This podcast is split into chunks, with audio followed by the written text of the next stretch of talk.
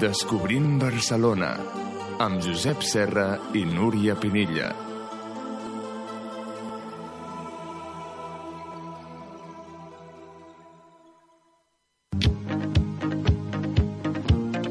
Hola, bona nit. Hola, què tal? Com esteu? Avui el darrer programa de la temporada i volem que us ho passeu d'allò més bé. Ja ens coneixeu. Som La Núria? I el Josep. Nosaltres som els encarregats de conduir aquest programa i comptem amb l'ajut de l'amic Lluís. Hola, bona nit, Lluís. Bona nit tinguem. I a les vies de so, el José Luis, bona nit. I eh, avui també comptarem amb molts col·laboradors que ens parlaran de temes interessants per conèixer Barcelona. I ara, música, Josep?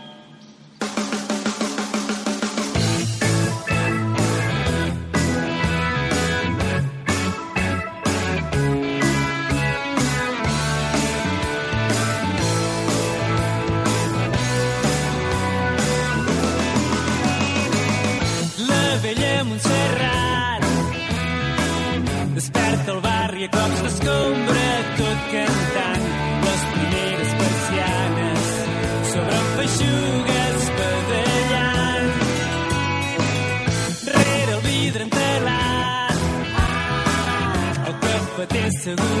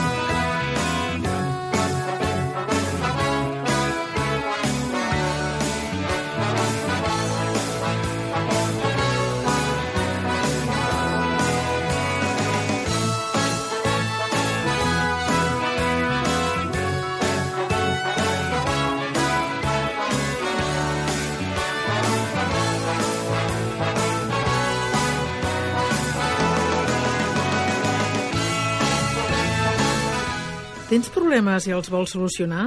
Estàs cansat de buscar respostes? Si és així, truca al 93 329 62 67 o al 625 59 67 53 i trobaràs la resposta.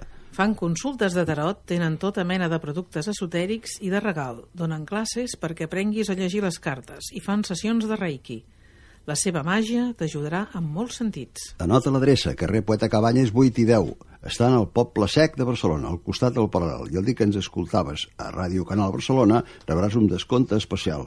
www.botigaesotèrica.es Josep, estic buscant un restaurant que sigui original per anar a sopar tu i jo. En saps algun? Sí, però et convidaré jo, eh? Anirem a Robin Hood, del carrer Comte Borrell 188. És un restaurant italià que és molt original i molt romàntic. Què vols dir que és original i romàntic? Doncs això, original i romàntic, és com un jardí ple de plantes i flors i cada dia posen un cartell en el que escriuen frases relacionades amb l'amor. Per exemple, comença el dia pensant en l'amor. I a més, la cuina és extraordinària, la millor cuina italiana, perquè els amos són la Justi i el Francesco, que són italians. Josep, deu de ser molt bonic aquest restaurant. Quan vulguis hi anirem a sopar. Si vols demà mateix, i a tots els que ens escolten si diuen que van de part nostra, els obsequiaran amb una copa de cava. Podeu fer la vostra reserva trucant al 93 179 24 68. Aquest Josep sempre em sorprèn amb coses noves. Eh? Ja tinc ganes que sigui demà perquè m'hi portis. I ara tenim una bona recomanació, perquè ara doncs, la gent eh, té problemes econòmics, necessita vendre les seves joies, ha de passar per un local de Barcelona, oi que sí? Sí, al carrer Montaner. Jim Ferrer, al carrer Montaner 76, també són al carrer Palència a Barcelona. Les eh, coses que ells ofereixen no les ofereix ningú. Són professionals del sector. Ho tenen tot en el món de les joies, compren, venen, no us preocupeu, paguen més bé que ningú i repetim una vegada més, són autèntics professionals, són joiers i això, amics, ja és una garantia. Se t'il·luminen com les nits de París. Mil tambors de guerra que es desperten dins el pit i de sobte te n'adones que tu també tens dret a ser feliç.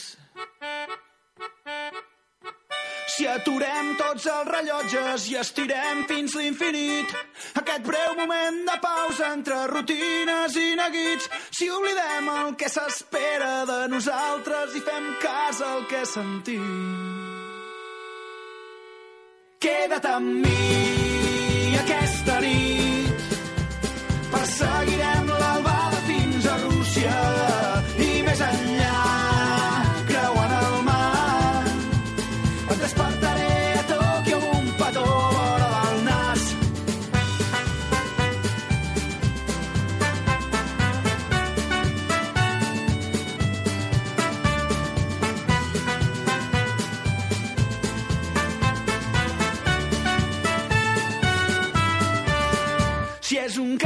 és un premi encara està per decidir. A vegades val la pena arriscar-se a patir. Tota nit de borratxera deixa pas a la ressaca pel matí. I digue'm qui és el jutge dels amors i dels instints. Potser tots som culpables d'ignorar el que portem dins, però en algun lloc, en algun moment, haurem de començar a escriure el destí. Amb mi aquesta nit. Perseguirem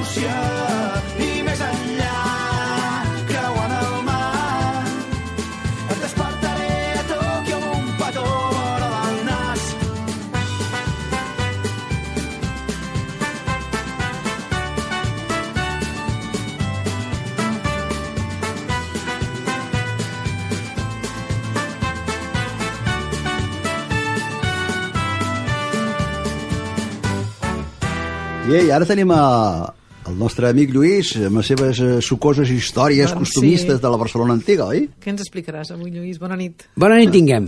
Avui, Avui, avui de què podries començar a Avui- parlar? Perquè avui hi, ha, hi ha coses molt interessants. Ara que diuen que hi ha crisi al cine, abans quan no hi havia televisió, el cinema era eh, el saló de, de molta gent, eh?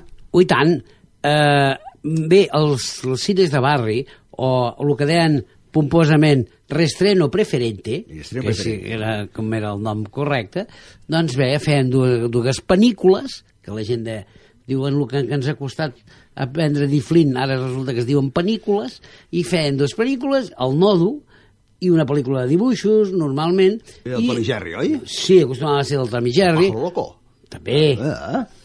I aleshores acostumaven a fer això, dues pel·lícules, El nodo... al nodo, i aleshores, total, feien, el passaven diverses vegades, i això representava que podies entrar a les 4 de la tarda i sortir a les 12 de la nit. Tenies l'opció, si volies, els crios els anaven a buscar a l'escola i els posaven al cine i llavors allà els hi donaven berenar.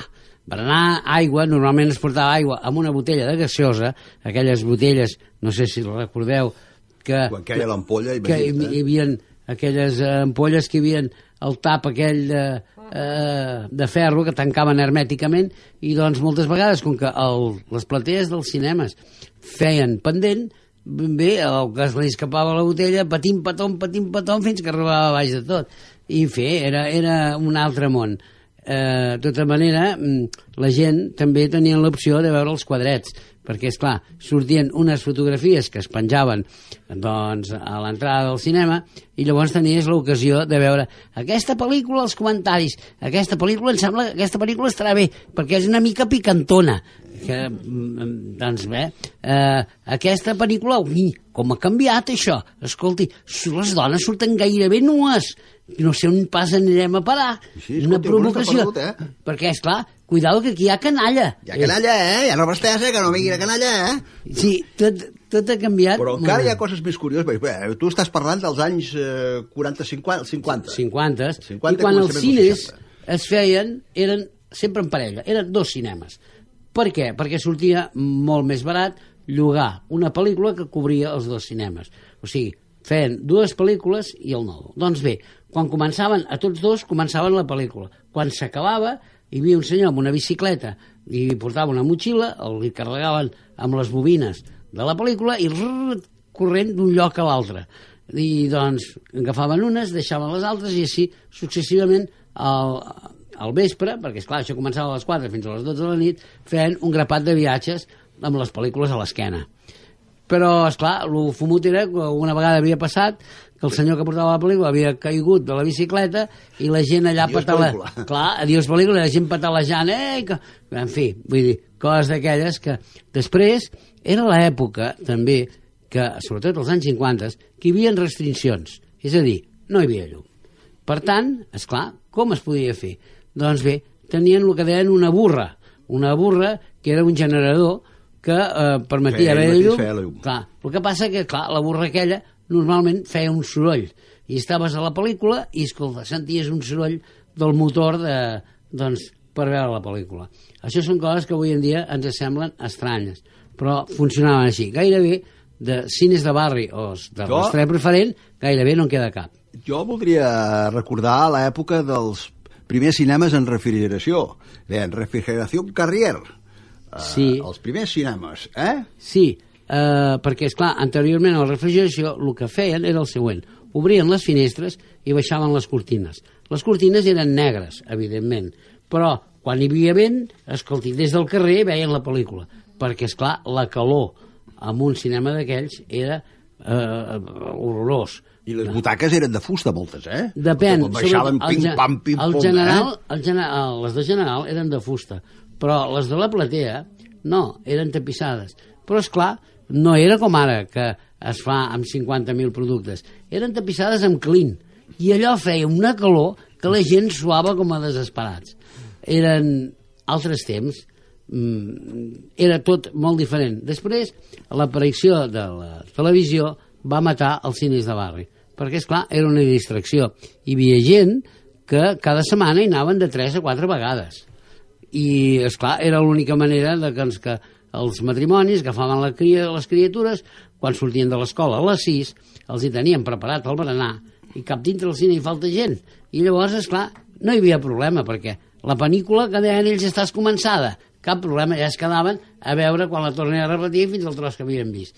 Clar, era, això era baratíssim, perquè als anys 60, a començaments dels 60, una entrada de cine, de cinema, d'aquests així de barri, costava unes 3 pessetes.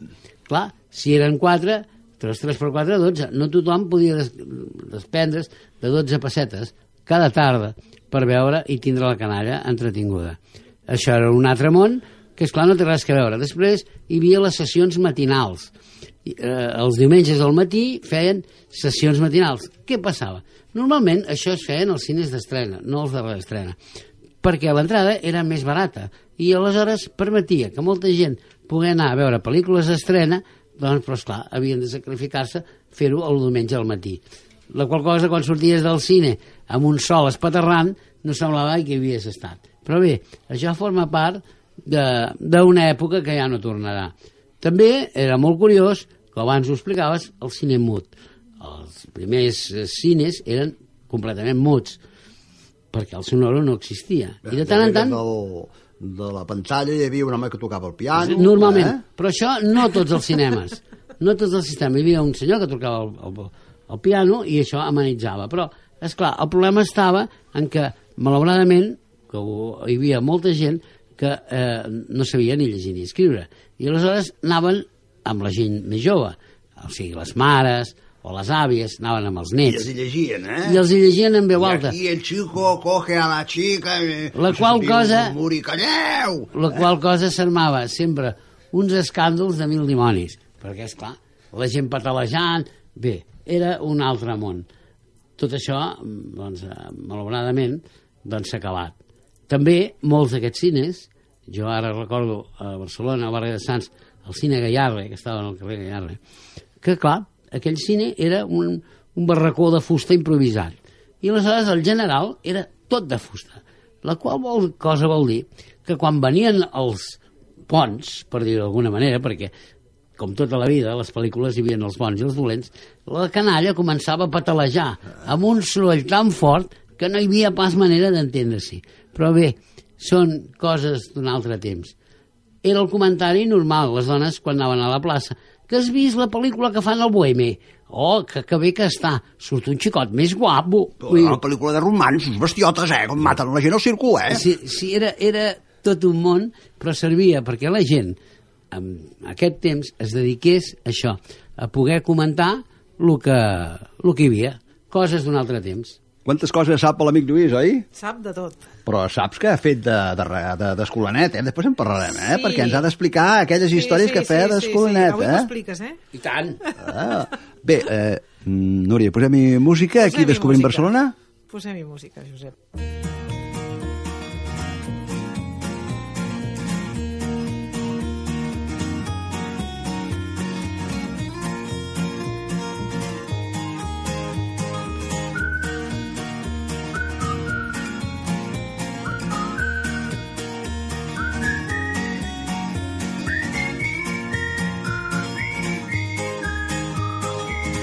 Fes una foto del terrat que des d'aquí es pot veure a Mart. La roba estesa al meu agost, un camp d'espigues i cargols. Esperarem que passi el fred i sota l'arbre parlarem de tot. Bioritme elemental, un mar d'antenes i animals. Els astronautes volen baix, els núvols passen com qui no diu res. Amb les butxaques a les mans caminarem els passos d'altres peus. Esmorzarem pa amb oli i sal, ho vestirem amb unes copes de vi. Deixant davant de la ciutat la tarda llarga i potser més, molt més la nit.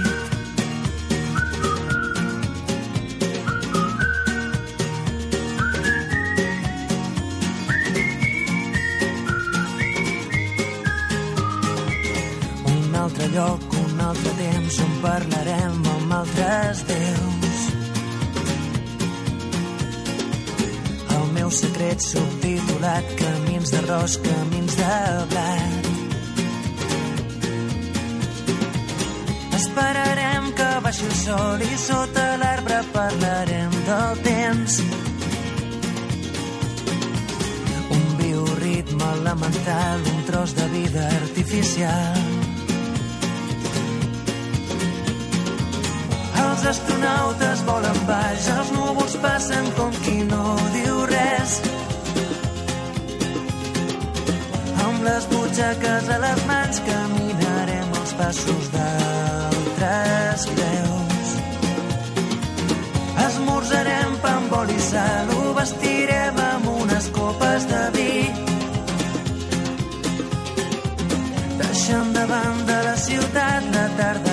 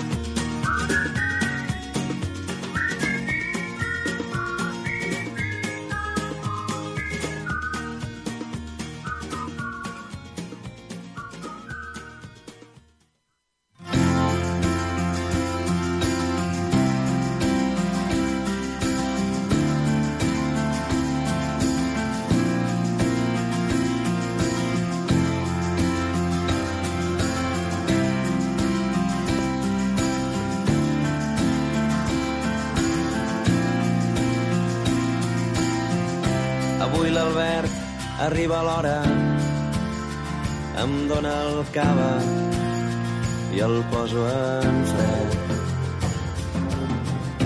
I arriben l'Hèctor i la Clara, porten la nena dormida en el cotxet. I obro la porta a la Judit, Avui ben sola m'encanta el teu vestit. Va arribant tota la colla quan sona taula trec el sopar. Un menjar exquisit, vull provar aquest vi. Qui vol cafè, hi ha gin tònics també i juguem al joc d'aquelles nits d'estiu. No parleu tan fort que la nena dorm.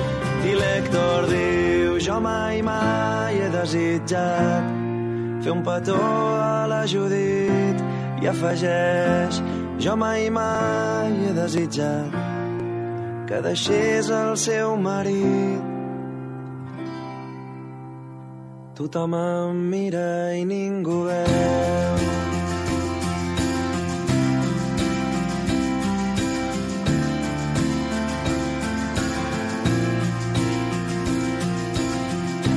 I aquell dard emmetzinat se m'ha clavat al cor i ho reconec i faig un glob.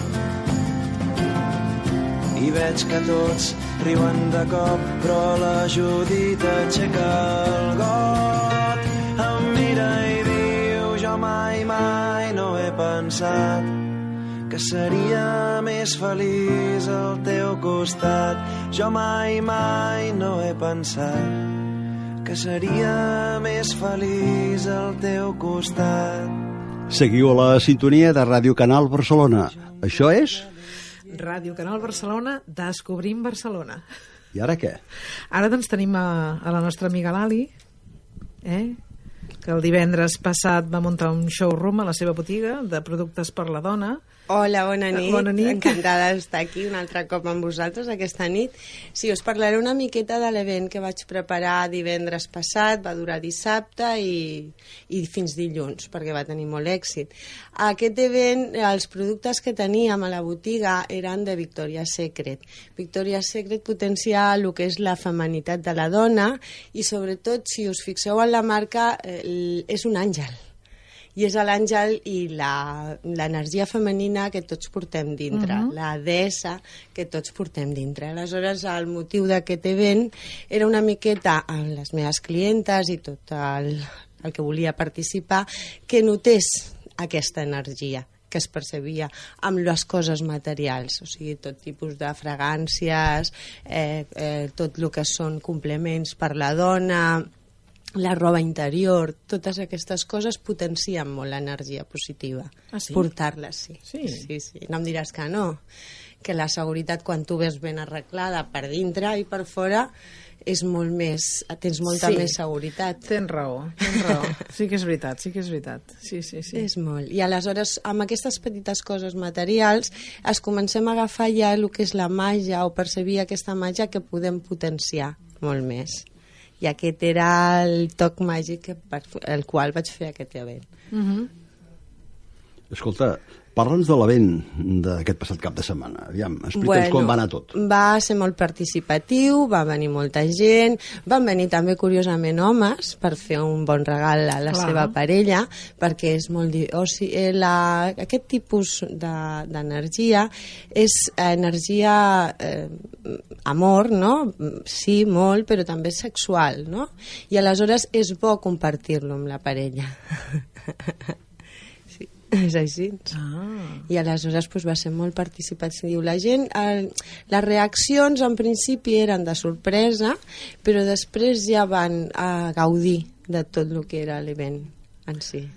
eh, tornaràs a fer-ho? Tornaré a fer-ho i muntaré més coses i, i coses diferents, sorpre- sorprenents. Lo important és que la, jo quan munto aquest tipus o busco de muntar aquest tipus és sobretot que l'energia es mogui, que canvi aquest xip de- d'avorrit, de, no, de no tenir esperança, de dir sinó que potenciar aquesta força que tu portes dintre, que cada dona portem dintre que també pot ser la de l'home, però bueno, en aquest cas es va potenciar la de És la per dona. això que has fet aquest event, no? És per això que he fet aquest event, he pensat pues, no només amb el que és el producte de l'espelma, no només el que és el producte de l'encens o el ritual, sinó en la màgia que, no, que el nostre cos físic té i s'ha de potenciar. Escolta, i la funció d'aquest tipus d'event, quina és concretament? pues, com he dit abans, que ja potser m'he allargat una miqueta, és aquesta, el de que cada un de nosaltres potència aquesta energia que té mm, sexual, femenina, eh, de força, perquè potenciant aquesta energia et fa aconseguir moltes més coses. Si tu, per exemple, eh, vas amb una feina arreglada, segura de tu mateixa, les coses et sortiran molt millor que si vas eh, desgarbada, sense força, i tot això és molt positiu. O sigui, tots són complements per, per potenciar la nostra força. És a dir, és com, són com els cinc elements per potenciar el, el, el, uh -huh. el cinquè, els quatre elements per potenciar el cinquè element, que és la força vital. I la gent que hi ha participat els hi ha afectat d'alguna manera? Bueno, s'ha- s'han anat contents amb les seves eh, compres. Sí. Uh, ara ho han de treballar, ells, per fer el seu potencial, perquè clar, si tu fas una... Eh, inverteixes en una sèrie de productes i després ho deixes al calaix i no ho fas servir, això no ha servit de res. Has de potenciar-ho i has de donar força a aquella cosa material. O sigui, és com, com dir-te, tu te compres unes, una, un collar i tu li estàs donant força a aquell collar. Aquell collar potser no és senzill perquè és una cosa material. Ets tu que li estàs donant. Ets tu que l'has comprat en una il·lusió per una, fer una cosa, ja, eh, de, digue, una sortida de nit o unes calcetes, de dir, doncs, i tu li estàs potenciant tot allò. Eh, I llavors doncs, les persones que van estar allà a l'event és el que es buscava, no? de que després no es deixi amb un calaix, sinó que es potenciï. Uh -huh. que siguin conscients de tots els elements que tenim per potenciar la nostra força. Bé, eh, hi ha gent que deu estar preguntant-se què prepara aquesta noia per als propers mesos. Bueno, pels propers mesos, ara són mesos al, al mes de juliol, és un mes tranquil, prepararem algun, algun taller o alguna coseta, mm, però a nivell molt de grup de lo que som eh, nosaltres, i ja potenciarem per cara de setembre eh, cursos de tarot, eh, un curs molt interessant de potenciar la deessa que tenim totes dintre, de treure aquesta força en tots els sentits, Eh? És, eh, jo, nosaltres treballem molt en la, en la dessa Iris, tinc aquí a la Leonor amb mi, que ara us parlarà també d'una cosa molt interessant. Uh, I bueno, després pues, farem tallers també de Reiki, eh, eh, canalitzacions, moltes coses. O sigui, estem preparant molts tallers i moltes coses de cara a setembre. Ah, de us anirem informa informant, sí. A l'agost tanques? A l'agost ha un parell de setmanes les del mig per descansar, perquè necessito descansar i projectar coses noves. Molt bé. I ara... Parlem amb Aquesta la noia que Leonor ens i... acompanya, la eh? teva companya. Hola, bona nit. És un plaer eh, tenir-te aquí. Estava esperant aviam el moment d'intervenir. El micròfon és teu. Bona nit, sóc la Bona Leonor, eh, sanadora espiritual per arquetips. He de dir que vaig participar de l'event del showroom de la Lali i que va ser genial i que fa treure aquesta deessa Sí? que portem a dintre Què et vas i que té comprar? tantes què, què et ganes. vas comprar? Home, no sé si dir-ho aquí. No ho diguis, no ho diguis, és secret, top secret. Top secret, Victoria Secret. Ho has Top potenciat? secret. Sí, sí. T'ha funcionat? Divina i deessa. Sí? doncs, bueno, a part d'això, dir que també organitzarem uns cursos de eh, de sanació espiritual per arquetips eh, cap a final de setembre, uh -huh. un primer i un segon nivell, i, i que posarem en marxa doncs, tot el coneixement per l'autosanació, per aprendre com, com funciona aquest mètode i, i, bueno, i, i parlar una mica de la figura de, del sanador o sanadora, no? que, que bueno, la sanació és un do que portem totes les persones dins nostre, és un do natural i que no tothom desenvolupa perquè el portem latent no? i llavors eh, es tracta de treballar-lo i, i llavors la, la figura de, del sanador eh, quan, quan se posa a treballar amb, amb la persona, amb el pacient doncs eh, el que ha de fer és buidar-se al màxim d'emocions entregar-se al pacient que té davant a la persona que té davant sense emocions un amor sense sentiments eh, el que es diu un amor incondicional, sigui qui sigui qui, qui tingui davant, entregar-se. I llavors el que fa és reconnectar aquella persona doncs, a, la, a la font d'energia o, o Déu o àngels o el que cregui cada un i, eh, i alhora també amb les forces, eh, les energies telúriques, les energies de la Terra, les venes de la Terra, perquè s'ajuntin tant les energies del cel com les de la Terra en aquella persona i la reconnecti. Llavors, la figura del sanador és la feina que ha de fer, no fer res, sincerament. Fer de canal, que uh -huh. tot això eh, perquè baixi l'energia i la informació i pugui ajudar a la persona en la seva autosanació, que el que ha passat és que si està malalt és que ha, ha desconnectat simplement de la font. Quin tipus d'enfermetats es poden arribar a, Doncs a eh, curar amb aquest... a sanar de, de tot. De, De tot. De tot. Eh, mai es diu abandona un tractament. Tant físiques com psíquiques, Sí, eh? sí, sí, sí. espiritual, eh, mental, emocional, tot el que afecta el cos físic al final, perquè tot comença com una malaltia espiritual, eh, tot comença malaltint l'ànima i acaba malaltint el cos físic, que és el que parla. És el que parla, sí senyora. O sigui que eh, una persona eh, pot autocrear-se malalties? Jo estic malalt, estic malalt, i acaba que, que acaba malalt?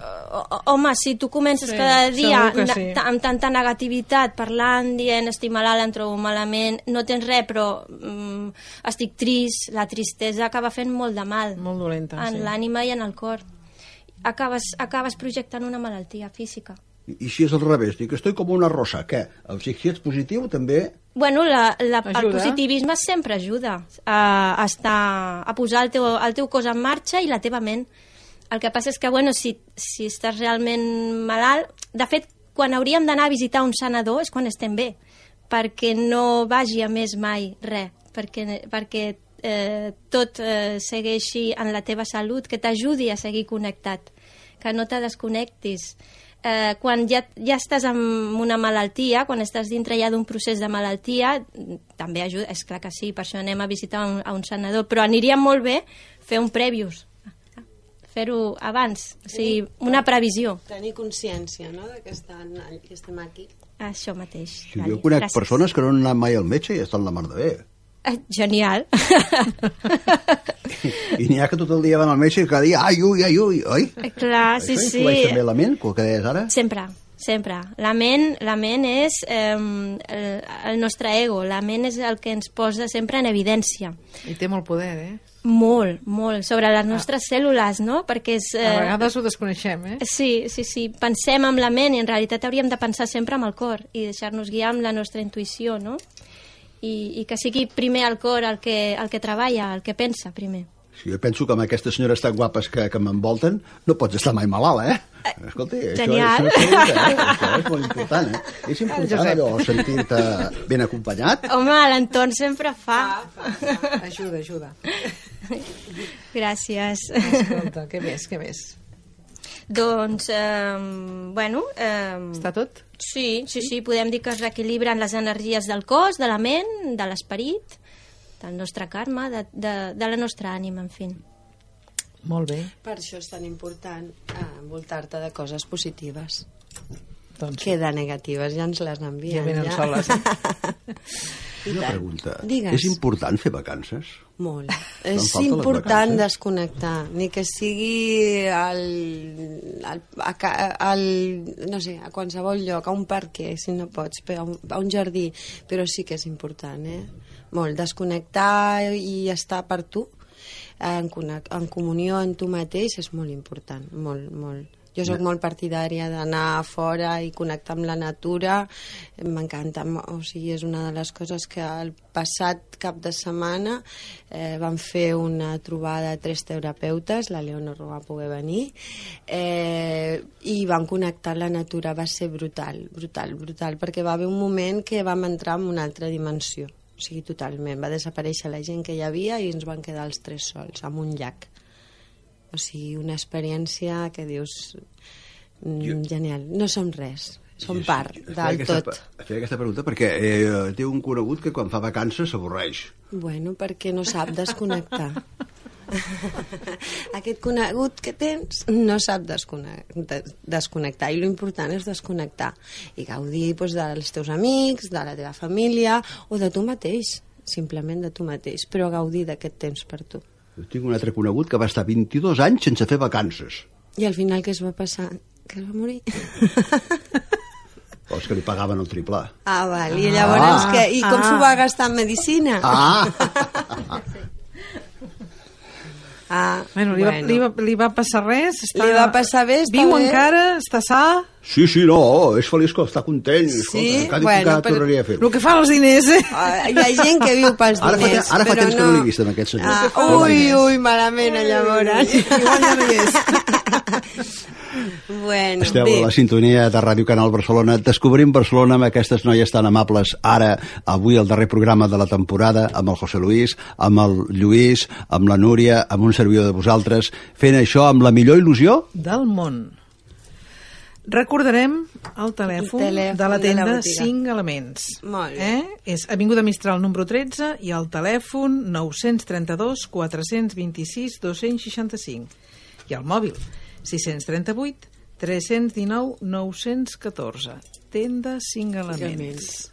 Lali, molt bona nit. Bona nit a Leonor. vosaltres, que passeu bones vacances, que Bona fareu nit, bones vacances. vacances. Farem vacances. Nosaltres sí que fem Bona vacances, nit i eh? bones no com aquest vacances. Nosaltres Moltes fem gràcies. vacances. Eh? Un petó. Vinga, fins aviat. Fins Adéu-siau. aviat.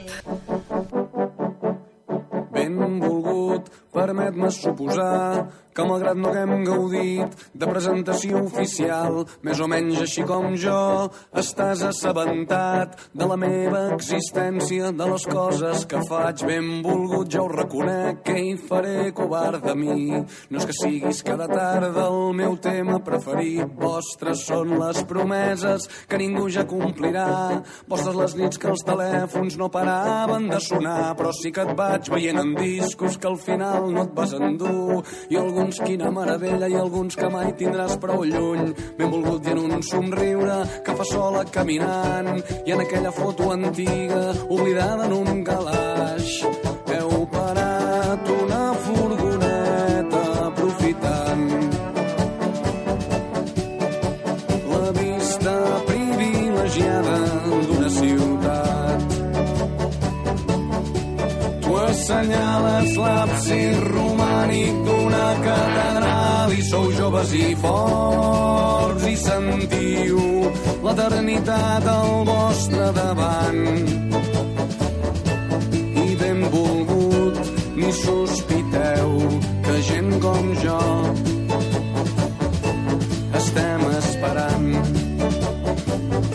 que simpàtics que s'us veu i quin mal devia fer i m'ho imagino o ho intento i t'asseguro que comprenc. Que encara avui sense remei tot trontoll i un segon quan una mica amb bona fe pronuncia el vostre nom. Però vull pensar que tot va bé i que no enyores aquells temps que fins i tot el recordar no saps per què però estàs content i vas veient coses pel món que t'estan agradant tant.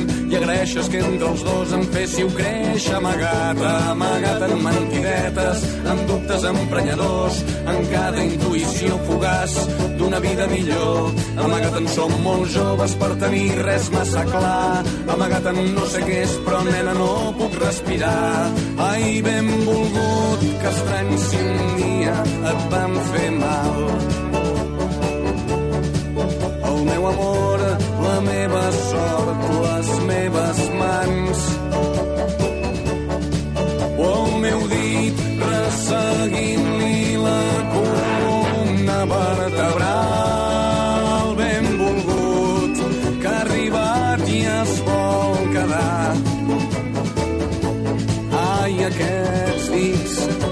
Senzills de gent com jo que estava esperant. Ben volgut ho deixo aquí, que sé que ets un home ocupat. Suposo que és moment d'acomiadar-me esperant. No haver-te emprenyat massa, no haver semblat un boig, que la força ens acompanyi. Adeu, fins sempre sort, per si un dia ens creuem, ja em disculpo que em conec. Faré d'home seriós, esperaré darrere dret mentre tu li fas brometa. Veig que ara els busques alts, mentre tu et reivindiques com molt més elegant. Farem adeu i marxarem i ella em dirà que t'ha vist vell i pas a pas ja estaràs tan lluny. Com el cretí que abans d'entrar a història li tocava el cul arrambant-la contra arbres del costat d'un institut. Ai, pobrets meus, com s'haguessin espantat. Si entre els matolls sortim tu i jo diré aquí els senyors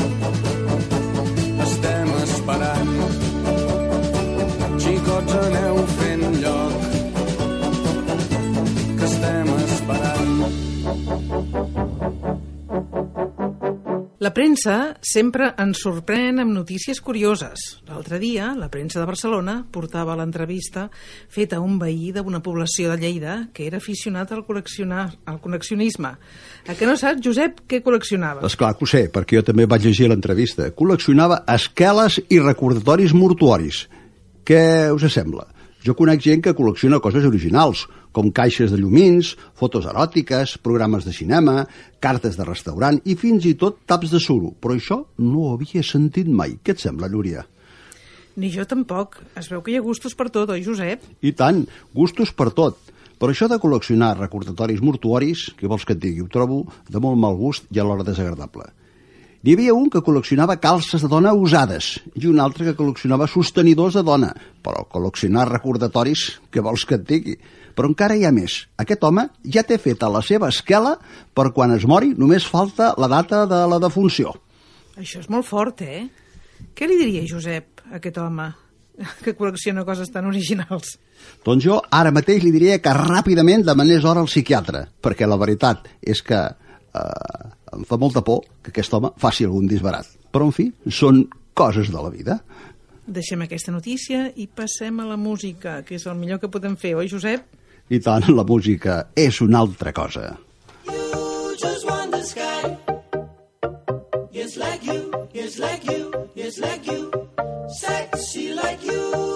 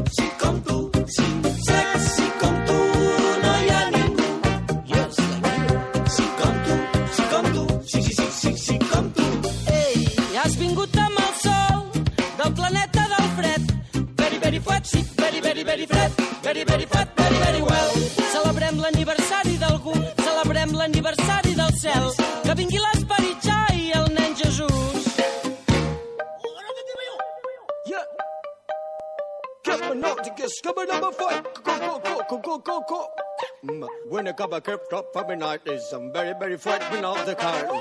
Giving him the sound, giving him the crystal, giving him the hollows, giving him the reach up, giving him the taste up, giving him the stone, giving him the stake up, giving him the on the night, giving him the sun, giving him the sky. And if it's another say.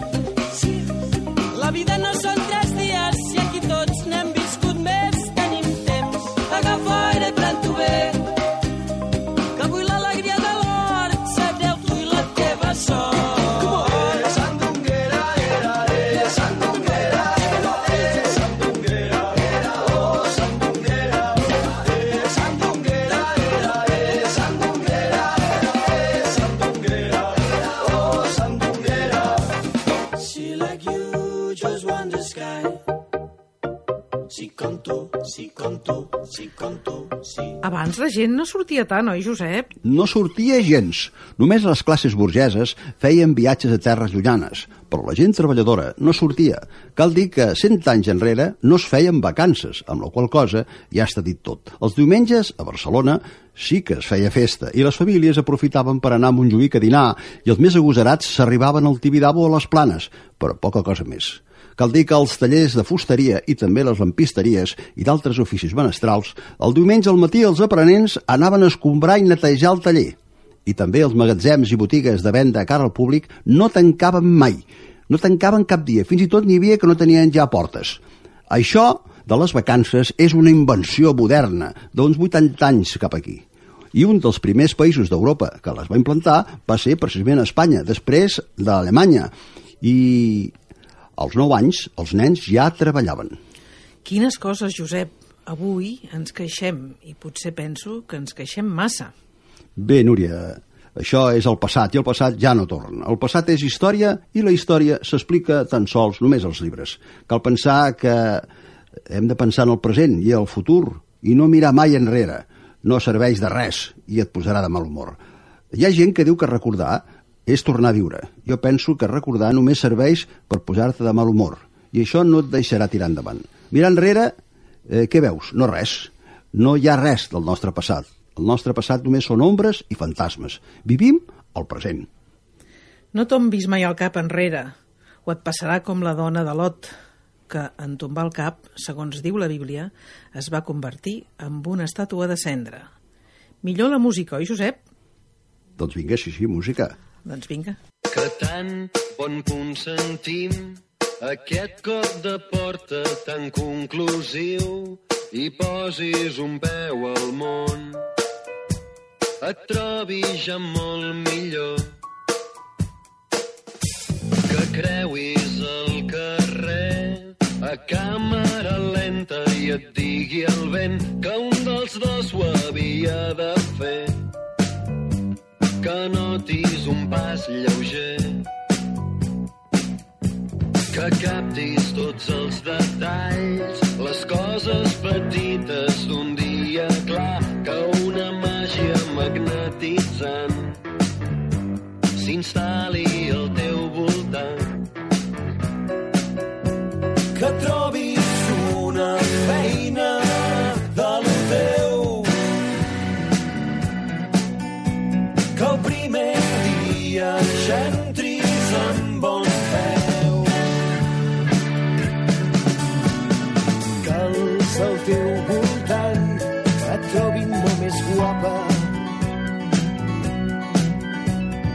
facis nous amics que cap et falli mai. Que descobreixis en aquell veí un paio simpàtic i divertit que una nit es presenti amb un bon vi i tal. Que en la comparació que faràs amb els altres no hi hagi color que sempre et segueixi el joc ni massa ni massa poc. Que no us passin factura els anys següents. Que percebeu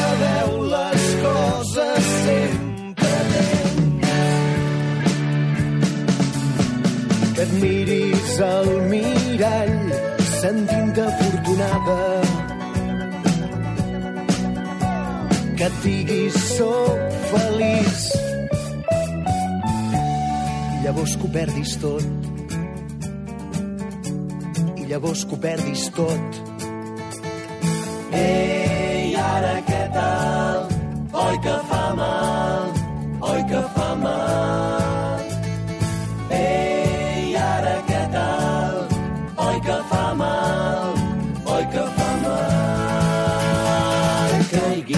sense pietat les deu plagues d'Egipte sobre el teu cap. Que t'intentis amagar que t'acabin delatant. Els déus, els vells i els nous t'agafin mania que tinguis por que el mite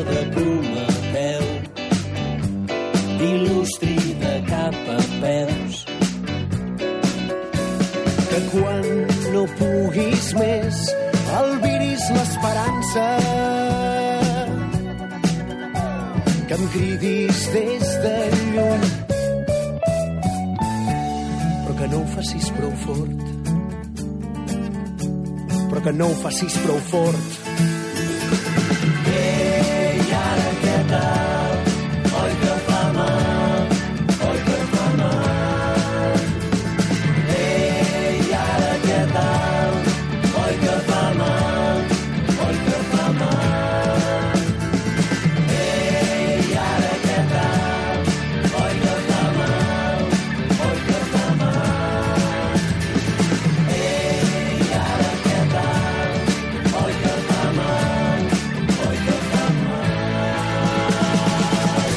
I ara, aquí a Ràdio Canal Barcelona, descobrint Barcelona una vegada més el Lluís amb les seves sucoses històries. Perquè ara ens parlarà de gitanos, oi, diu? Amb les seves superhistòries, Lluís. Moltes gràcies per la vostra amabilitat. De gitanos? De gitanos. Hi ha una comunitat gitana a Barcelona que està situada, una de les més importants, està situada a la plaça Areni, anomenada popularment la plaça del Sol. Allà... El barri de? Hostafrancs. Aquesta comunitat és força extens, s'estén per als carrers de la plaça del Sol, o la plaça Areni, com és el seu nom, el seu nomenclàtor, i aquí un grapat de gent que es dedicava, doncs, a, doncs això, a fer eh, feines que doncs eren poc... poc eh, hi havia la xitxarra, sobretot la xitxarra era una dona que va viure molts anys. Aquesta senyora diu que era una bailarina, diuen els eh, entesos, de flamenc extraordinari. Inclús hi ha eh, eh, imatges que encara s'han conservat de quan es va inaugurar la, el, eh, el, el poble espanyol i concretament el barri andalús, el carrer Caballero, que està situat en el poble espanyol. Aquesta senyora va ballar davant del rei Alfons XIII i diu que li va agradar molt. Aquesta pobra dona, pobra dona perquè va morir en un estat econòmic indigent, aquesta dona senyora, jo la recordo anant a la font a buscar aigua en ple mes d'estiu i de ara tinc que beure aigua, però quan era jove m'agradava el xompanyet. Quina desgràcia que ara tingui que beure aigua. Desgràcies... Era molt coneguda al barri. Molt coneguda i molt estimada, perquè era una persona molt corrent i molt simpàtica. Aquella gràcia especial que tenen els gitanos, oi? Exacte, i sobretot els gitanos catalans que venen del sud de França i que tenen la seva forma habitual de parlar el català molt simpàtica i molt graciosa. També n'hi han d'aquests al barri de Gràcia, que doncs bé, és també molt popular la comunitat gitana. El Pescadilla, el famós Pescadilla, que havia estat casat amb la Lola Flores, era fill del barri de Gràcia.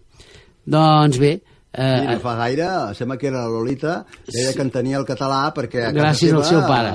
amb el Pescaïlla i la Lola parlaven el català, eh? Exacte, sí, sí, això és el que diuen.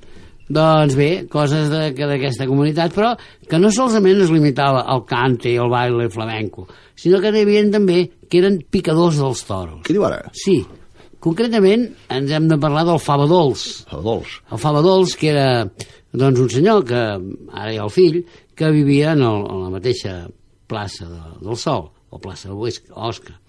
Doncs aquest senyor era, diu que Plaça era... Areni, Areni era, oi? Ai, Areni? la plaça, Plaça Areni, Areni, plaça Areni, eh? Estem tot, eh? Sí, sí. Doncs aquest senyor que era, doncs, deien un picador doncs, que ho feia molt bé i quan a Barcelona hi havia toros, doncs bé, ell era eh, doncs, picador de la plaça, és a dir, quan venia un torero que no portava picadors, l'aprofitaven amb ell. Però diu que tenia tanta gràcia doncs, fent aquesta feina que hi va haver-hi toreros de categoria que se'l volien portar a la seva quadrilla, cosa que ell sempre s'hi va negar. S'hi va negar per una història molt senzilla. A les 5 de la, abans de començar la cursa, eh, el Balanyà li tenia muntat un carro i el venia a buscar a casa seva la qual cosa la quitxalla, mira, mira, el fava dolç, el fava dolç. I llavors, quan acabava eh, la cursa, el tornaven a casa seva amb el mateix ceremonial.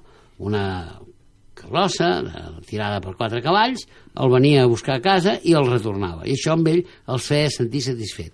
I em fa, si no recordo malament, algú deia que anava disfressat, o sigui, vestit de picador, eh? No canviava la No, roba, eh? bueno, I així és- el veien la gent pel carrer, eh? Sí, això és gairebé normal, perquè eh, normalment la gent, eh, si es veu que, esclar, no coneix l'art dels toros, perquè normalment eh, la gent que fa aquesta feina es vesteix o bé amb els hotels o bé a casa seva. Normalment la gent ja va vestida a la plaça i per tant l'Andarín, que era el seu nom de, doncs, professional, Andarín Segundo, doncs feia això. Eh, sortia disfressat doncs, del que era picador dels toros. Ell era Andarín, el seu, era el seu mot eh, El seu mot. artístic. Sí, exacte. Andarín Segundo. Quantes coses, oi, Núria? Eh, ens explica el Lluís aquestes coses que la gent d'avui en dia ja no sabem, oi, ja no coneixem. No, no, no. Però és bonic recordar aquestes coses per pensar que a Barcelona això és una època quan encara portava gorra i barret, oi? La gent anava amb Era barret, molt eh? curiós perquè cada casa de gitanos tenia un renom.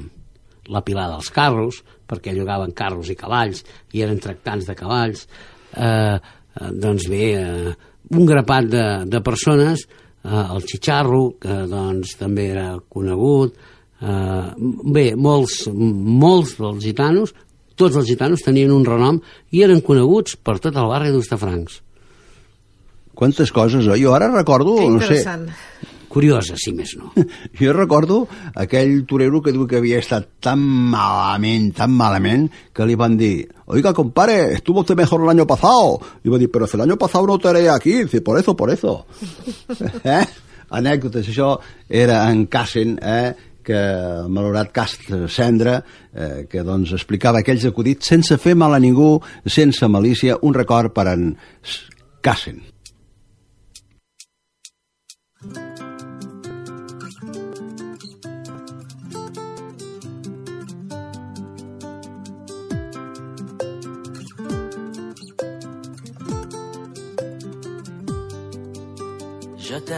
Sa lluna i s'estrella, sa jungla i es bosc animat, estrenes vaixells, avioneta, i el teu submarit i apartat. Jo tant estefè i sa galleta, quan dius tu podries ser meu, te sexy, te dolça i te freda, oh yeah.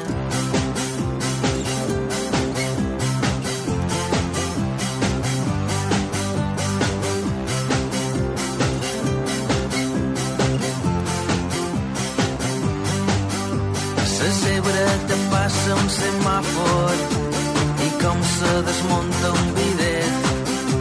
Cosmètics i Margaret Astor, ja sé com s'escriu Juliet. Jo tant, sa rosa i es cactus i moltes més coses també. Un llapis d'Ikea, un pistatxo,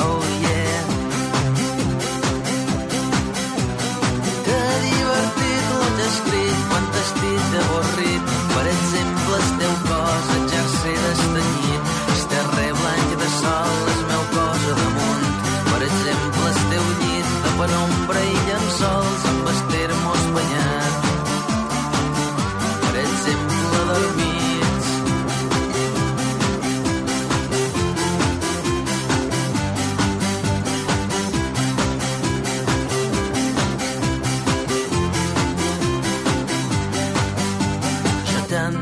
lluna i s'estrella, sa jungla i es bosc animat, estrenes vaixells, avioneta i el teu submarit i apartat.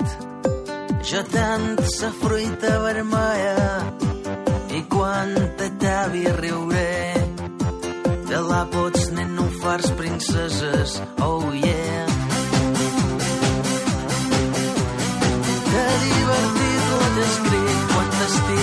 Dit avorrit. Per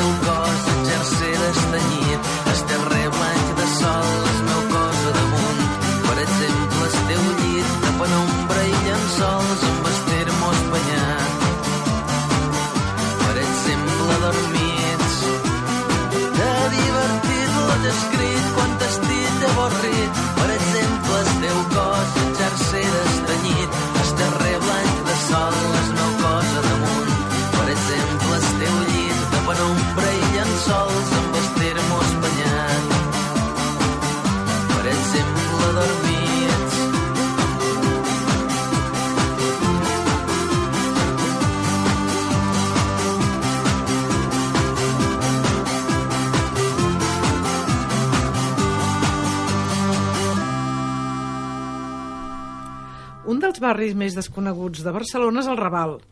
L'Ajuntament de la ciutat està potenciant el coneixement del barri amb una iniciativa. Sabies què? Es tracta de donar a conèixer les històries, anècdotes i tradicions d'aquesta zona de Barcelona, abans coneguda com el barri xino. Es tracta de fer rutes guiades en grups de no més de 25 persones que coneixen els secrets del Raval medieval, l'industrial, el cultural i el comercial. Per exemple, al segle XIX hi havia fins a 74 fàbriques, la majoria dedicades a la indústria textil. I aquí, al Raval, es va fundar l'any 1977 el primer bar feminista de Barcelona, es diu La Sal. I també al Raval, al carrer Xuclà, es troba la Granja Viader, que va ser la creadora del popular cacaulat. Més coses del Raval. A la plaça del Padró es troba la capella de Sant Llàtzer i encara avui es poden veure les restes de les finestres a través de les quals els leprosos seguien la celebració de la missa. I una mica més amunt, a l'Hospital de la Santa Creu, l'any 1847 es va fer la primera operació amb anestèsia i aquí, en aquest hospital, es van instal·lar els primers raigs X del país. Cal dir que el claustre del monestir de Sant Pau del Camp, al carrer de Sant Pau, és únic a Europa per als seus arcs en forma de trèvol i per la seva barreja d'art àrab i romànic. Cal dir que Pablo Picasso sempre estava dibuixant el claustre de Sant Pau del Camp. Un dels capitells representa l'escena d'Adam i Eva i aquí es va inspirar Picasso per a pintar les senyoretes d'Avinyó. Quantes coses sabem sobre Barcelona i quantes coses desconeixem encara. Però no patiu, les anirem explicant al llarg dels nostres programes.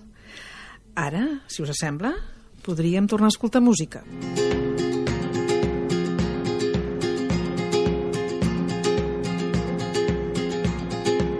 Vaig sentir a l'horitzó com un soroll de fons i el cor aquell senyor tremolar els aparadors.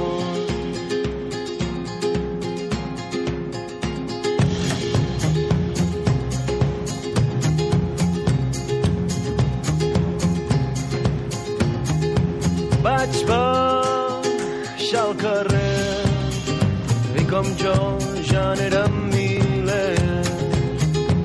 Ningú sap què ha passat. Hi ha una columna de fum allà baix i busco entre la gent el teu barret vermell i es mou un gratacels just davant dels meus peus.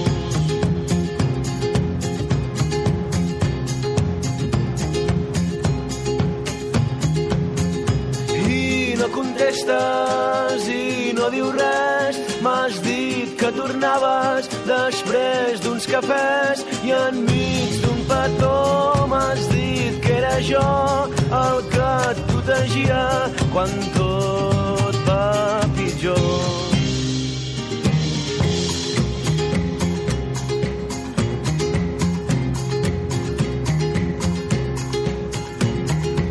La segona explosió va trencar els aparadors. Ens va cobrir un núvol de pols, tot de paper volant pels balcons. I el teu barret girant damunt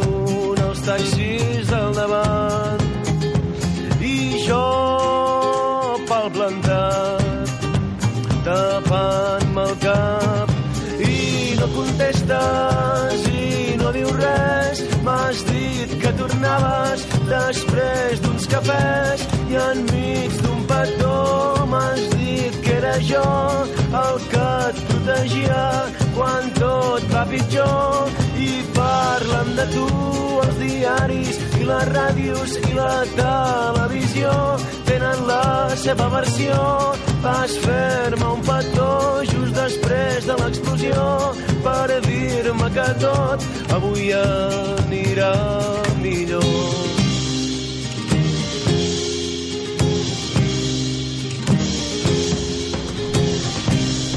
Esteu escoltant Descobrim Barcelona i seguim parlant del Raval de Barcelona. Sí, perquè el Consell Superior d'Investigacions Científiques ha impulsat el projecte El Raval 6.000 anys d'història. Es tracta de donar a conèixer com vivien i què menjaven aquells barcelonins que vivien precisament al Raval fa 6.000 anys. Aquest projecte es va presentar fa uns dies i se situa sota el paraigua del Raval Cultural. I d'aquesta manera els veïns del barri poden saber què feien aquells veïns seus fa un grapat de mil·lennis. Ara podrem saber coses de la prehistòria del Raval de Barcelona i podrem saber de quina manera es va poblar el Pla de Barcelona. L'arqueòleg Joan F. Guibaja, que treballa al Consell d'Investigacions Científiques, diu que el cor del Raval és un gran misteri per la majoria de gent que viu al mateix barri i a la resta de Barcelona. I gràcies als treballs que es fan, podrem saber moltes coses que ara estan enterrades i oblidades en el temps. Descobrim Barcelona us posa ara música. Salió del infierno para venirme a buscar. No la paró el respeto ni tampoco la dignidad. Mareaba la perdí para que no me la comiera. Siempre fue la más pirata del lugar. Te gusta llamar al mal tiempo. Si tú me llamas, yo vengo. Contigo me sinvergüenzo. Porque las malas cosas se pegan, no huyen, no escapan de ser como son. Que aproveche esa mala leche de tu interior. Oh, oh, oh, éramos tú y yo, Olivia, bailando de sol a sol. Dos volcanes de ideas, a punto para la explosión. Tú y yo, Olivia, bailando de sol a sol.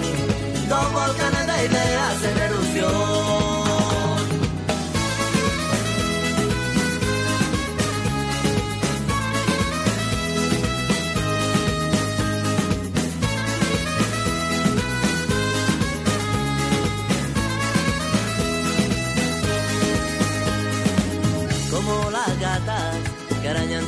Tenía la sangre fría, más frío su corazón. De muy mala intención y de mala hierba, voy dejando la que hierba para alejarme de ella. Éramos tú y yo, Olivia, bailando de sol a sol. Dos volcanes de ideas, a punto para la explosión. Tú y yo, Olivia, bailando de sol a sol dos volcanes de ideas en erupción.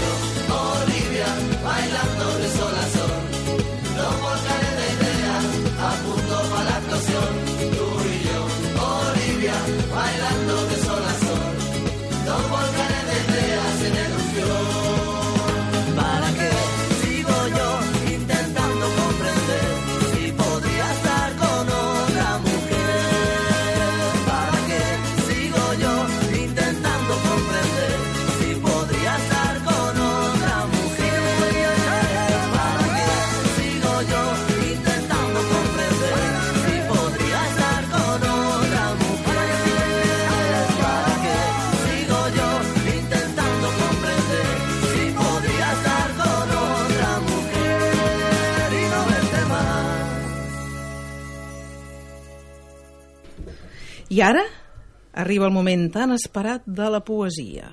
Doncs sí, amics, nosaltres ara doncs, eh, voldríem doncs, eh, d'aquí, des d'aquest programa, eh, retre un homenatge a totes aquelles entitats culturals, cíviques, que dediquen doncs, uns instants a la seva poesia. La bona poesia, la dels millors autors i, concretament, els amics de Sant Andreu, una entitat eh, es troba aquí Andreu que té molts, però molts eh, poetes afeccionats. Així doncs, una poesia que ha donat la volta al món i que va escriure José Zorrilla. Aquesta poesia, un fragment de la qual diu així Corriendo van por la vega, a las puertas de Granada, hasta 40 gomeles y el capitán que los manda. Al entrar en la ciudad, parando su yegua blanca, le dice un hombre a una mujer que entre sus brazos lloraba. Enjuga el llanto, cristiana, no me atormentes así, que yo tengo, mi sultana, un nuevo Edén para ti.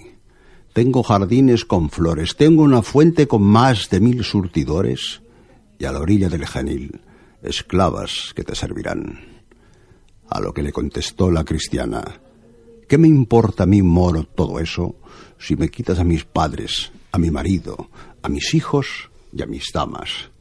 Devuélveme moro a mi león que mis torres de león valen más que todo tu reino de Granada. Bé, després d'escoltar aquest tema, eh, el Lluís, eh, que el tenim aquí al costat, t'ha agradat? Bé, és un tema clàssic i ja està. N'hi ha un altre, eh? Bé, hem de recordar que aquest fragment eh, forma part de la poesia general oriental. I ara, doncs, escoltarem un altre fragment que diu així. Me lo contaron ayer las lenguas de doble filo, que te casaste hace un mes, y yo me quedé tan tranquilo. Otro en mi caso se hubiera echado a llorar, pero yo cruzándome de brazos, di que me daba igual. Que te has casado, vive cien años contenta y a la hora de la muerte que Dios no te lo tenga en cuenta, que si al pie de los altares mi nombre se te borró, por la gloria de mi madre que no te guardo rencor, que sin ser yo ni tu novio, ni tu marido, ni tu amante, soy el hombre que más te ha querido. Con eso ya tengo bastante. Aún recuerdo cuando tú te asomabas a la ventana y me cantabas aquella copla. Quítate de la ventana, chiquillo loco, que mi madre no quiere ni yo tampoco. Bé, fins aquí aquest moment poètic a Ràdio Canal Barcelona, Descobrim Barcelona. I ara anem a més música.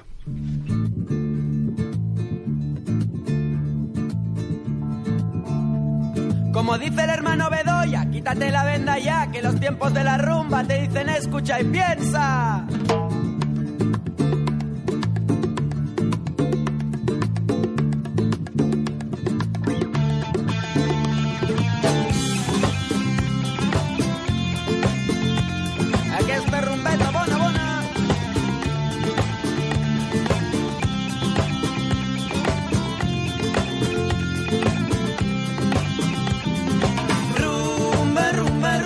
amor.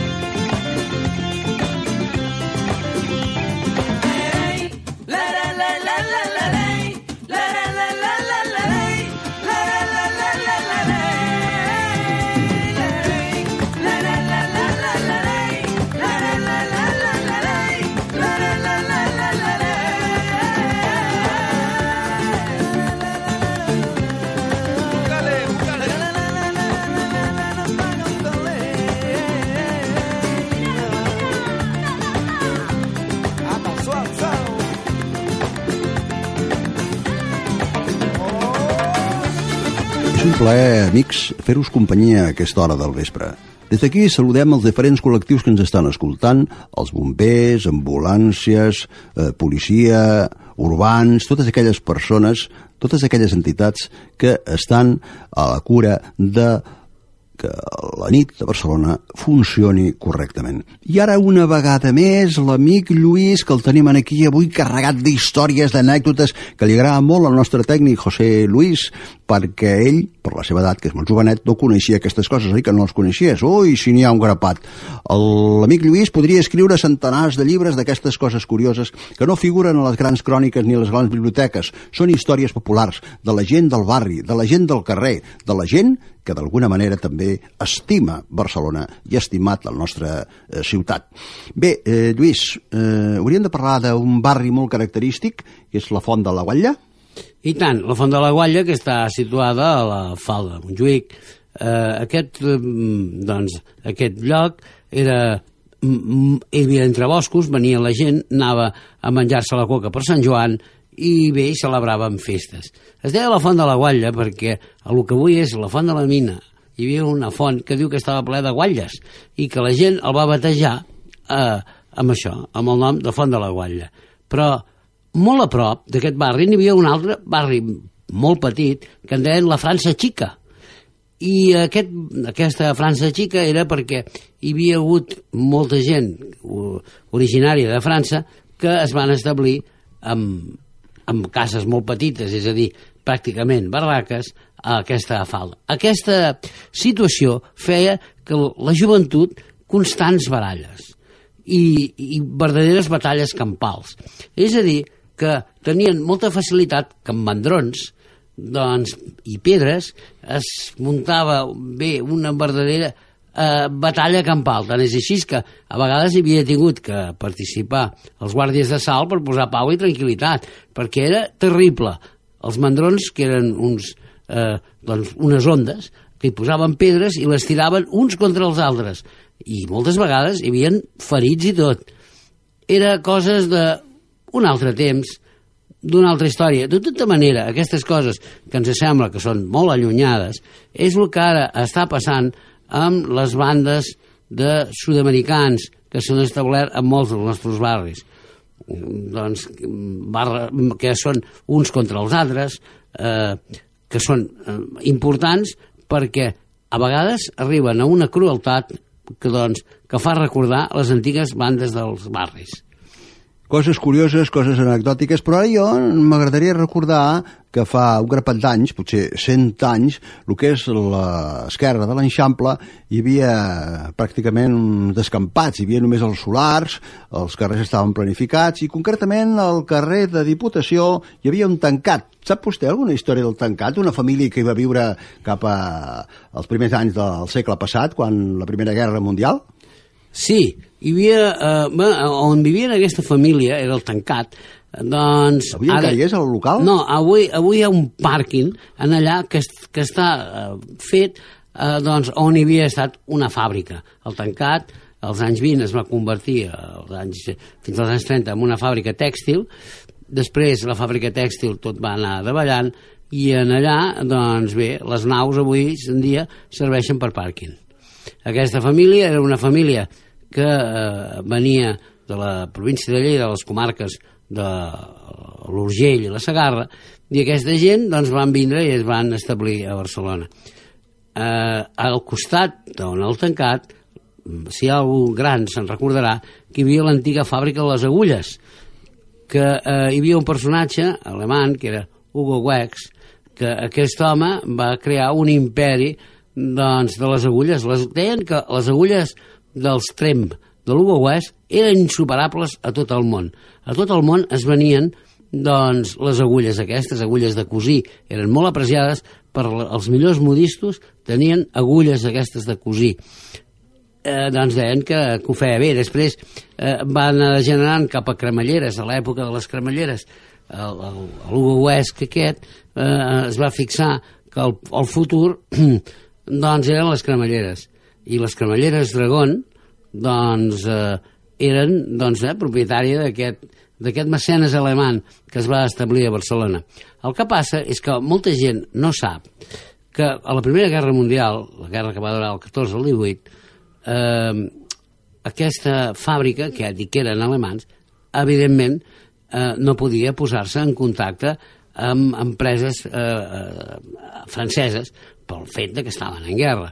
Aleshores van agafar a un personatge, un verdader home de palla, que representava que era el propietari de la fàbrica aquesta de les agulles. I eh, la facturació que es feia, que eh, li feien, que venia d'Anglaterra amb, amb tot tipus de peces, de, de tot el que necessitava, venia, però esclar, no li podien vendre en un alemany. Llavors li venien amb un català que es deia Serra, i aquest home, doncs bé, era el que feia d'intermediari, era el verdader home de palla per evitar que comercialitzessin dos països que estaven a matar amb la guerra de la Primera Guerra Mundial o la Guerra Europea. Bé, també és molt curiós que aquest senyor va instal·lar una emissora de ràdio, una de les primeres d'Espanya, Sí, sí. eh, que després la va incautar la Generalitat i va ser Ràdio Associació de Catalunya. No, no és ben bé així. Uh, Hugo Wex, concretament li explicaré la història perquè no està assabentat. Hugo Wex va posar una emissora que es deia EAJ15, perquè totes les emissores um, doncs havien de dir-se EAJ. Era. Aquesta emissora emitia des de la mateixa terrassa de casa seva, de la fàbrica. Uh, es va dir EAJ15 hasta que la Generalitat la va comprar per crear Ràdio Associació de Catalunya mm, el temps va passant i aquesta emissora va continuar hasta que l'any 36, l'any 39, quan va acabar la guerra, l'estat espanyol se la va incautar i li va canviar el nom per el nom de Ràdio Espanya, que la va tenir fins relativament poc temps. Doncs moltes gràcies. Fet aquest aclariment, hem de posar més música aquí a Ràdio Canal Barcelona. Descobrim Barcelona, anècdota, història, llegendes, tradicions. I José Luis ara té preparat un tema musical que segur, segur agradarà a la quantitat de gent que a aquesta hora de la nit, aquí al 106.9, està escoltant aquest programa. Un programa fet, com diem sempre, amb la Núria, amb entusiasme, amb il·lusió, amb ganes, amb la millor il·lusió del món, perquè, amics, sense il·lusió, us ho dic ara mateixa, no es pot fer res de res. Com us deia, la música, José Luis, quan vulguis, cuando quieras.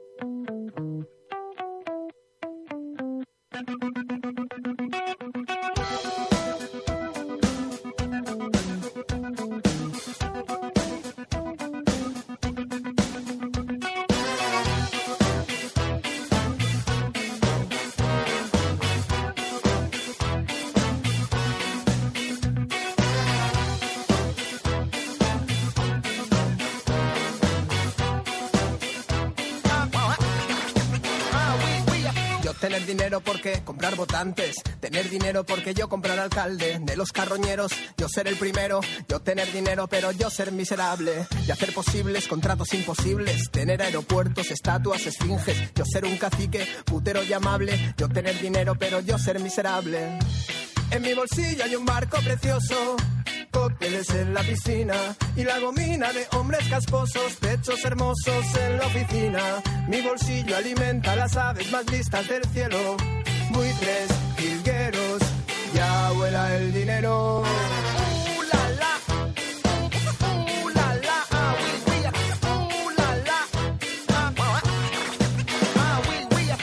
Tener de todo porque tener jefes a los que lamer el culo porque ganar dinero doble altos cargos que me echan un cable. Yo tener dinero pero yo ser miserable. Ilusionista hago aparecer el capital.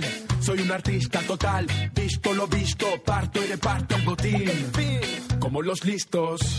En mi bolsillo hay un barco precioso, cócteles en la piscina y la gomina de hombres casposos, pechos hermosos en la oficina. Mi bolsillo alimenta las aves más listas del cielo, buitres, jilgueros, ya vuela el dinero. que apunta al cielo quien quiera ser cazador Pillar al ladrón al vuelo, al cielo quien quiera ser cazador.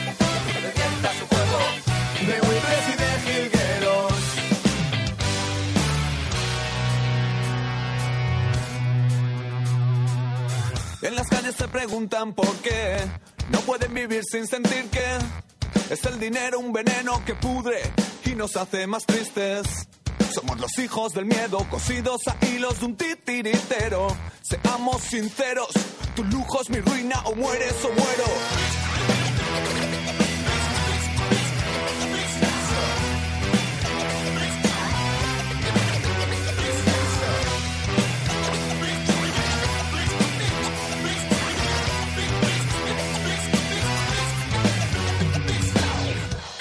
Mi bolsillo hay un marco precioso, cócteles en la piscina y la gomina de hombres casposos, pechos hermosos en la oficina.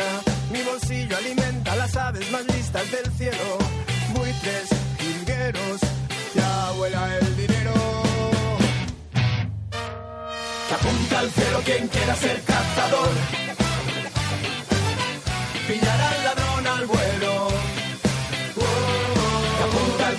Quien quiera ser cazador. Revienta su juego de buitres y de jilgueros. Apunta al cielo quien quiera ser cazador. Pillará al ladrón al vuelo. Apunta al cielo quien quiera ser cazador.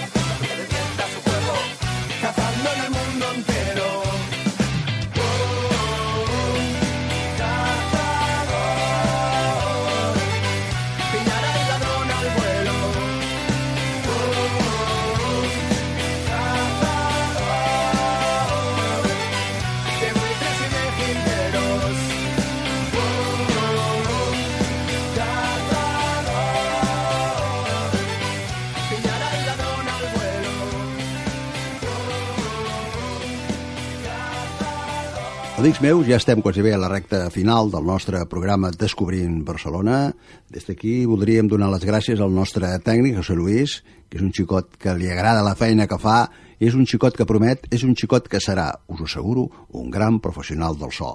I l'amic Lluís, que el tenim aquí, avui també és una miqueta el protagonista d'aquestes històries, d'aquestes eh, coses costumistes de Barcelona. Ara m'agradaria, amb la seva darrera intervenció, que ens fes una referència als transports públics, concretament als tramvies de Barcelona, perquè fins i tot han sigut tan populars els tramvies que eh, els cuplers antics, molts cuplers, parlaven dels tramvies, aquesta cançó que ens canta també la Núria Feliu i que havia cantat la Linda Vera, allò, i és el tramvia, però bé, no parlem de cançons, sinó que parlem de la història del tramvia a Barcelona.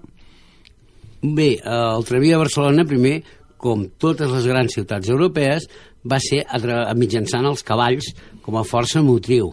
O sigui, anaven per la via, portaven uns cavalls que arrossegaven el tramvia i aleshores hi havia eh, eh, doncs per seure a baix i doncs podien anar també a, a, a dalt, a la Imperial.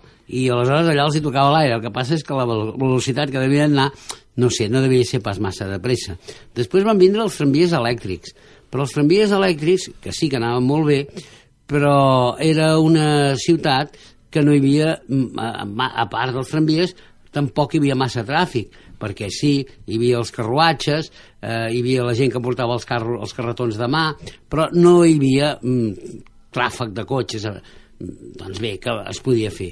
Però que després, cada vegada, doncs la ciutat es va fer un gran teixit de tramvies, seguint la mateixa tònica que es feia a les ciutats centroeuropees.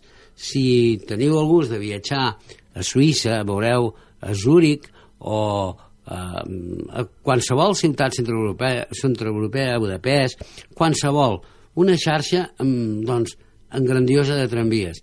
El que passa és que aquelles ciutats són ciutats mitjanes o petites, és a dir, són ciutats doncs, gairebé de 200 o 250.000 habitants. Aleshores, això encara els hi permet funcionar amb tramvia. Però, és clar, eh, el tramvia doncs, portava moltes desgràcies. Hi, havia, eh, hi havia concretament la línia 57, que després els autobusos van fer la mateixa línia i van posar el mateix número, que feia el trajecte des de Collblanc fins a la Barceloneta. I aleshores hi havia uns tramvies molt populars que es deien tanques. eren uns tramvies grossos que anava el tramvia al comandament i el remolc. I aleshores havies d'anar molt al tanto perquè si tenies la desgràcia d'agafar el tramvia en marxa i queies, no tenies cap protecció. És, evi és evident que el, el tramvia t'arrossegava causant la mort a moltíssima gent. Era constant. Els que havien viscut a l'anomenada carrer Sants o carretera de Sants, doncs era innumerables la quantitat de vegades que el tramvia provocava doncs, verdaderes catàstrofes. Jo encara recordo, passant moltes vegades pel carrer, doncs, persones que les veus sense mans o sense cames, i és conseqüència dels tramvies dels anys 60, que van ser una verdadera carnisseria. Bé, això doncs està eh, dit per totes aquelles persones que estan abogant perquè hi hagi més tramvies a Barcelona. La veritat, els que han conegut la història dels tramvies dels anys 50 i 60, doncs de veritat, quan senten parlar del tramvia a Barcelona, se'ls hi posen els cabells de punta, perquè va ser una autèntica carnisseria. Fins i tot, eh, ja molt temps enrere, eh, hi havia els tramvies de vapor, doncs que anaven fins a Sant Andreu, que s'anomenaven la guillotina i s'anomenaven rutina per la quantitat de desgràcies que feien. La història ens comenta que el primer accident que va haver-hi a Barcelona va ser a l'any 1877, quan es va instaurar el primer tramvia a cavalls, naturalment, i va ferir al carrer d'Hospital a una criatura que sortosament no la va matar. Doncs es va provocar eh, un motí tan important que fins i tot doncs, eh, volien doncs, matar el conductor del tramvia. Vull dir que la història dels tramvies, molt simpàtica, molt anecdòtica, però de veritat, eh, Barcelona eh, té una mala premsa i ha tingut també doncs, una història molt negra. Lluís, moltes gràcies. Quantes coses saps sobre Barcelona, sobre les seves històries, sobre les seves tradicions, sobre les seves llegendes, sobre les seves coses curioses. Ja sabeu que aquí a Ràdio Canal Barcelona, a aquesta hora de la nit, tots els dimecres de 10 a 12, esteu en companyia d'una gent que fa la ràdio amb la millor il·lusió del món. Música? Música, maestro. Una música que segur, segur que el nostre company José Luis l'ha feta amb la millor trempera del món.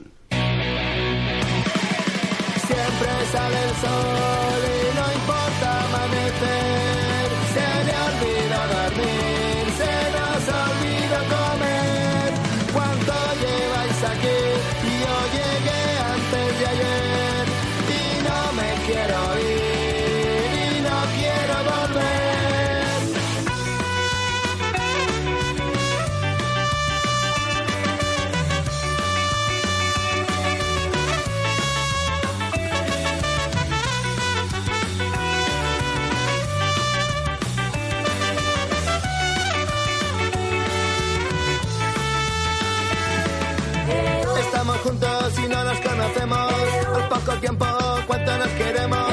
Si es lo normal cuando llega un festival y nos reímos de los que no vinieron. Algunas veces llegamos los primeros, a los siguientes lo hacemos por los pelos. Y reconozco que es habitual. Tardo en perderme lo mismo que un mechero. Dispuestos a vivir un nuevo atardecer. Que para ser feliz solo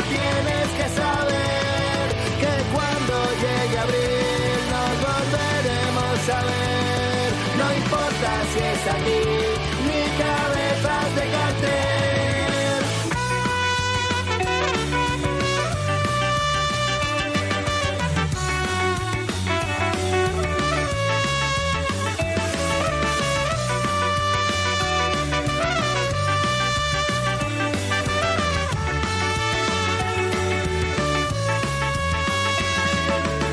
Último día en un quiero y no puedo. Energía te acuestas en el suelo y en el bolsillo empiezas a buscar. O te levantas o te chupas el dedo. Estamos juntos y no nos conocemos. Al poco tiempo, cuánto nos queremos. Es lo normal cuando llega un festival y nos reímos de los que no vinieron. Siempre sale el sol y no importa amanecer. Se le olvida dormir, se nos olvida comer. ¿Cuánto lleváis aquí? Quiero ir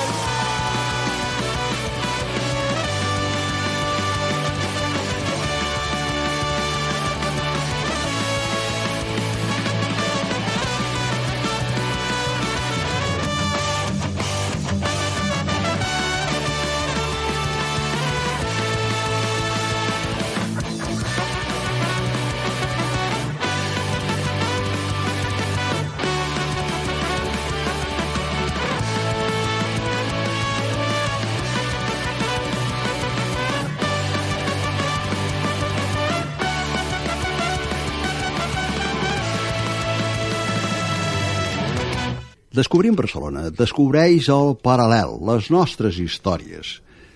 Eh, per exemple, destacar que el gener de l'any 1926 l'Esquella de la Torraixa publicava l'anunci d'un local, el Cabaret de la Muerte, del qual no hi ha cap constància en cap de les fonts habituals que parlen de la història del paral·lel, ni tampoc eh, hi ha cap eh, notícia a les hemeroteques. Però bé, es diu que estava situat, segons la publicitat, al número 72 del paral·lel, és a dir, al mateix indret on hi havia el Cafè Concert Sevilla, que va tancar l'any 1947, però en unes grutes. El Sevilla ocupava l'espai on abans hi havia la barraca del cinematògraf Lumière, el primer que es va instal·lar al paral·lel, i més tard, al mateix lloc, va ser ocupat pel saló de descans del veí Teatre Olímpia, que ocupava els números 68 i 70. El nom de Cabaret de la Muerte eh, ens du immediatament a pensar en el cabaret de Not, fundat 1892 per il·lusionista Antonin Derville, amic de Georges Méliès, i estava situat al número 34 del boulevard de Clichy de París, un local on s'oferien espectacles relacionats amb la mort, els fantasmes, l'infern, en un ambient d'esquelets, taüts, on les begudes simulaven estar fetes de pus i esputs de tuberculosos, i on s'entretenia els espectadors amb trucs d'il·lusionisme i fantasmagories. Si al cabaret de la Muerte s'oferia un espectacle similar, no ho sabem. Ni sabem si el local era el mateix del Cafè Concert Sevilla, però intentarem especular i construir una història versemblant. El Sevilla va néixer com un local atrotinat, però amb la reforma de l'any 1908 es va convertir en un dels establiments més populars del paral·lel, gràcies sobretot a les cambreres, que servien d'esquer i negoci. Per aquesta reforma, eh, Carpinell, el propietari, doncs va haver de demanar la preceptiva autorització a l'Ajuntament que en un informe municipal del 1907 descriu quines són les condicions del local i quines modificacions cal fer.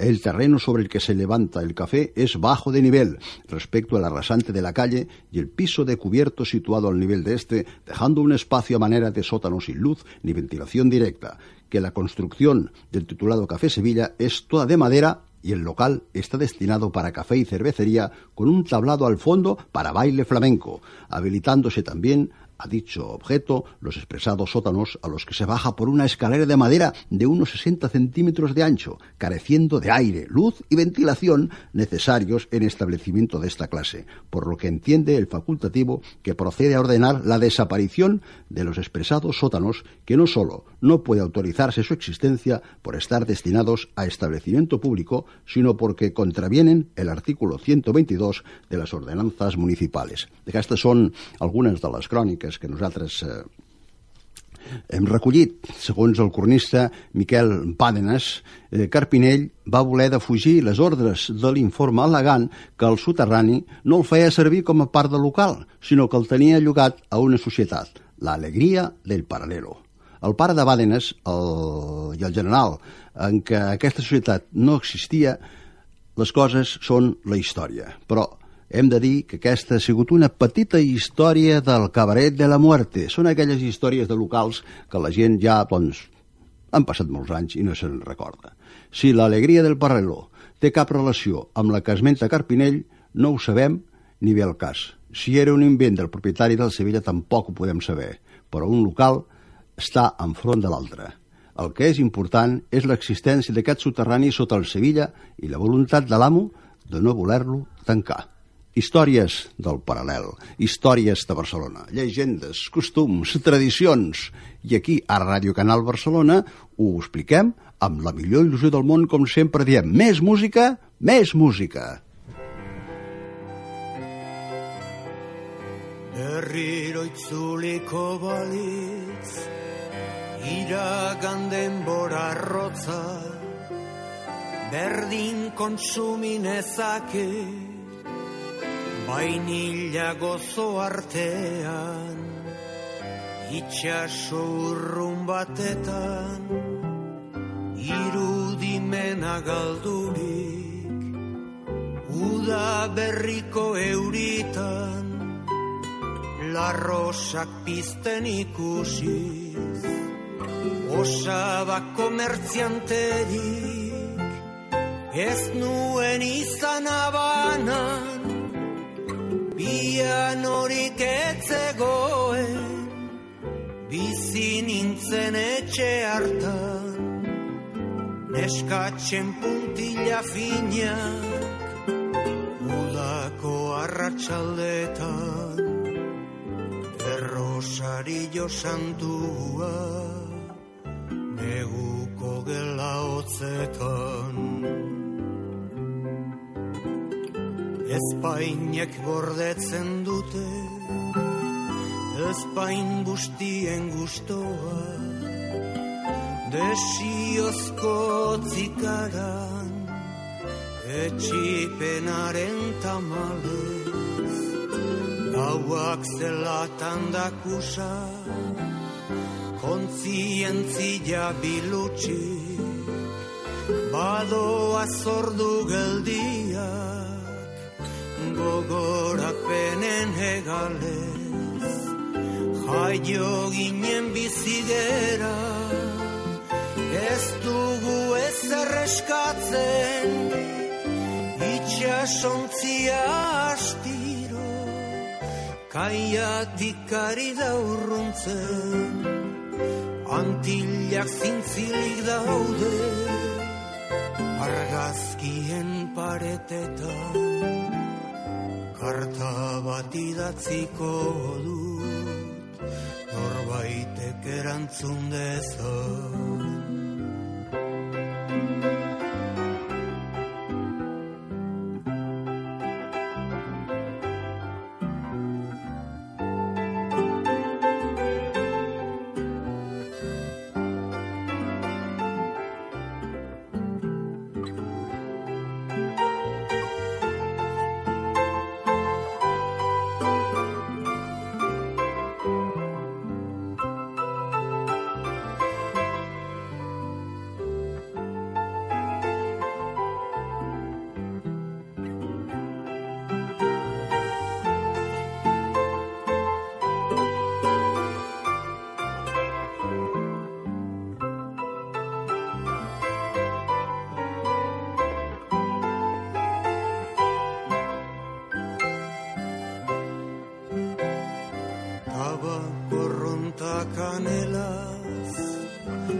Sukartutako ametxetan Algarak entzuten ziren Abanako putetxetan Abaniko dun mulatak Gauari aize egiten Musiken aiden agiek Odola erretzen zuten Jaio ginen bizigera Ez dugu ez erreskatzen Itxasontzia astiro Kaiatik ari da urruntzen.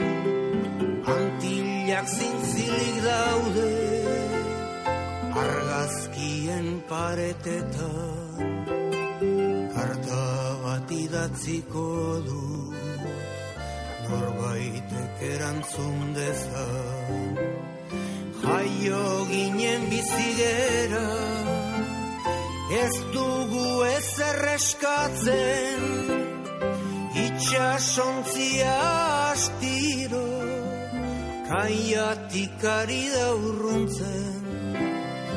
Antillak zintzilik daude Argazkien paretetan Karta bat idatziko dut Norbaitek erantzun dezan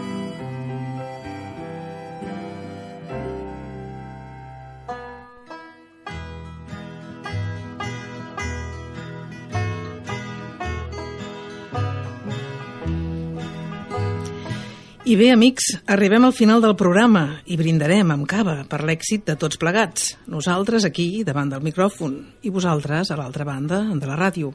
Però abans d'aixecar la copa, voldríem escoltar uns breu, unes breus, breus paraules del Josep, ànima d'aquest programa. Josep, quan vulguis.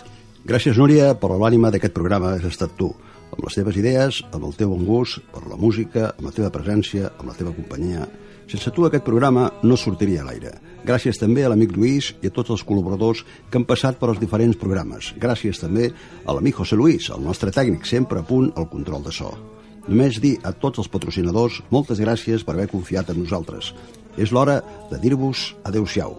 Que tingueu unes bones vacances. Nosaltres també descansarem per tornar al setembre, si no vol, amb més força, més il·lusió i més entusiasme.